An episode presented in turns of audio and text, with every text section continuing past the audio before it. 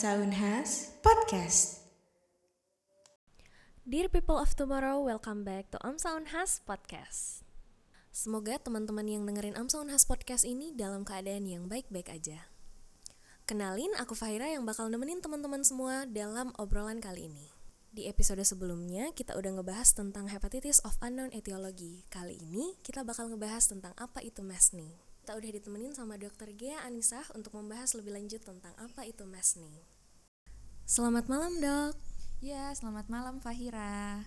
Nah, seperti kita ketahui bersama bahwa sekarang kita sedang berada di masa transisi di mana memakai masker menjadi sebuah kebiasaan bagi masyarakat. Nah, karena kebiasaan ini, maka timbul berbagai keluhan di masyarakat mengenai jerawat karena memakai masker. Masyarakat biasa menyebutnya mas acne ataupun biasa disingkat masni. Nah, jadi dok, sebenarnya apa sih masni itu? Oke, jadi masne. Masne itu merupakan suatu varian dari acne vulgaris atau biasa orang bilang jerawat. Nah, untuk masne ini biasanya disebabkan akibat dari penggunaan masker. Oh iya dok, jadi terjadinya mas acne itu karena apa ya dok? Ya, jadi mas acne ini biasanya terjadi akibat adanya oklusi folikel. Nah, maksudnya oklusi folikel ini jadi uh, dia menutupi pori-pori dari uh, wajah itu sendiri. Dan biasa juga terjadi akibat dari stres mekanik. Maksudnya stres mekanik yang di sini ialah seperti tekanan, uh, gesekan dari masker itu, kemudian ada juga pengaruh dari suhu, uh, eh, pH maupun kelembapan dari wajah.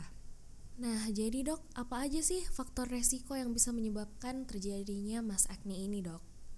Untuk faktor resikonya sendiri, uh, untuk di Indonesia memang kita ini beriklim tropis ya. Nah, terus uh, yang kedua adalah pajanan. Pajanan itu maksudnya paparan. Paparan yang dapat meningkatkan produksi dari kelenjar, kelenjar minyak ya atau kelenjar sebasea. Nah, kemudian eh, orang-orang uh, juga yang uh, beresiko terkena mas acne ini ya orang-orang yang populasi dengan acne prone maksudnya acne, acne prone itu kayak eh, orang-orang yang sudah umur dewasa muda umur remaja dan memiliki kecenderungan uh, kulit yang berminyak dan ada pula dia ada faktor genetik. Jadi sebelumnya dia memiliki riwayat uh, keluarga orang tua yang memiliki uh, acne vulgaris atau jerawat ya eh, kalangan-kalangan ini yang bisa menjadi uh, beresiko maksudnya untuk menjadi uh, mas acne. Oke dok, jadi gimana nih cara saya membedakan jerawat akibat pemakaian masker ataupun jerawat karena faktor lain, misalnya karena hormon dok?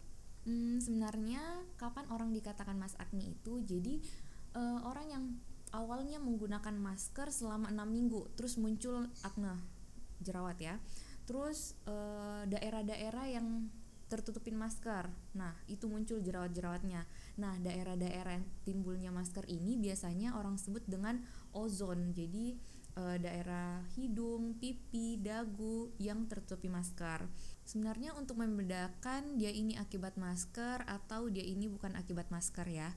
Uh, yang pertama yang tadi yang saya bilang kalau pemakaian masker itu biasanya dia jerawatnya itu di daerah uh, ozon yang tadi hidung, uh, pipi, dagu. Nah, sedangkan kalau misalnya akibat uh, yang lain, misalnya hormon, biasanya dia hanya di daerah-daerah tertentu seperti misalnya uh, rahang, toh dagu, kemudian kalau misalnya uh, ada juga yang kayak T-zone. T-zone itu memang biasanya uh, pak untuk area-area yang memang ini orang cenderung acne prone. Jadi dia kelenjar minyaknya itu paling banyak di T-zone. Jadi di situ muncul jerawat.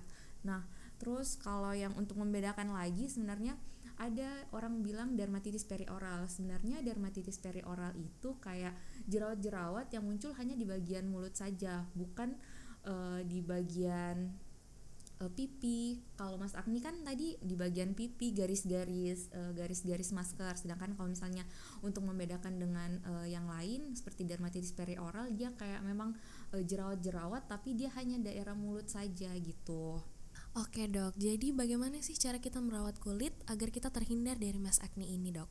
Nah, uh, untuk cara merawat kulit untuk terhindar dari mas acne ini sebenarnya tadi kalau kita sudah tahu apa faktor resikonya ya faktor resiko itu yang harus kita hindari.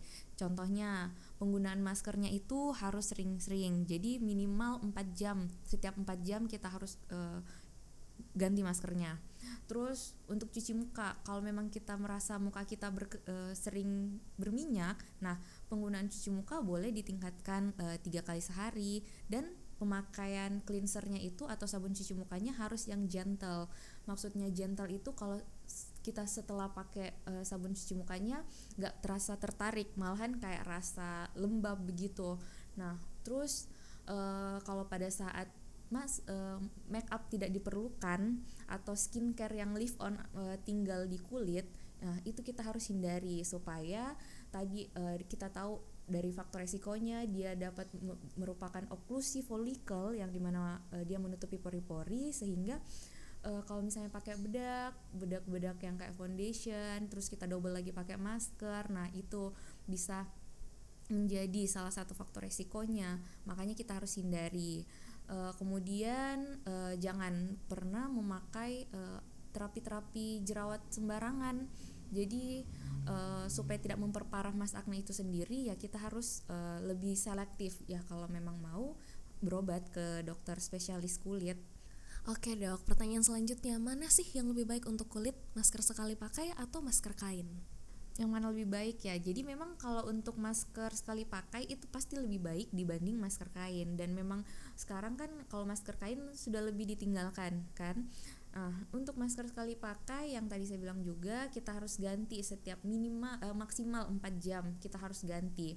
Terus setelah uh, pada saat pemakaian masker kita harus kayak 1 2 jam selama 15 menit harus dibuka baru dipakai lagi. Terus uh, memang untuk masker kain biasanya kan ada yang uh, suruh double masker. Nah, kalau masker kain itu yang dicuci pakai deterjen sebenarnya itu yang bisa membuat uh, kulit jadi iritasi akibat dari deterjennya itu. Jadi ada namanya dermatitis kontak alergi. Kalau dermatitis kontak alergi bisa uh, muncul ruam-ruam. Nah, ruam-ruam itulah bisa disalah disalahpahamkan bilang dia ini mas akne atau bukan.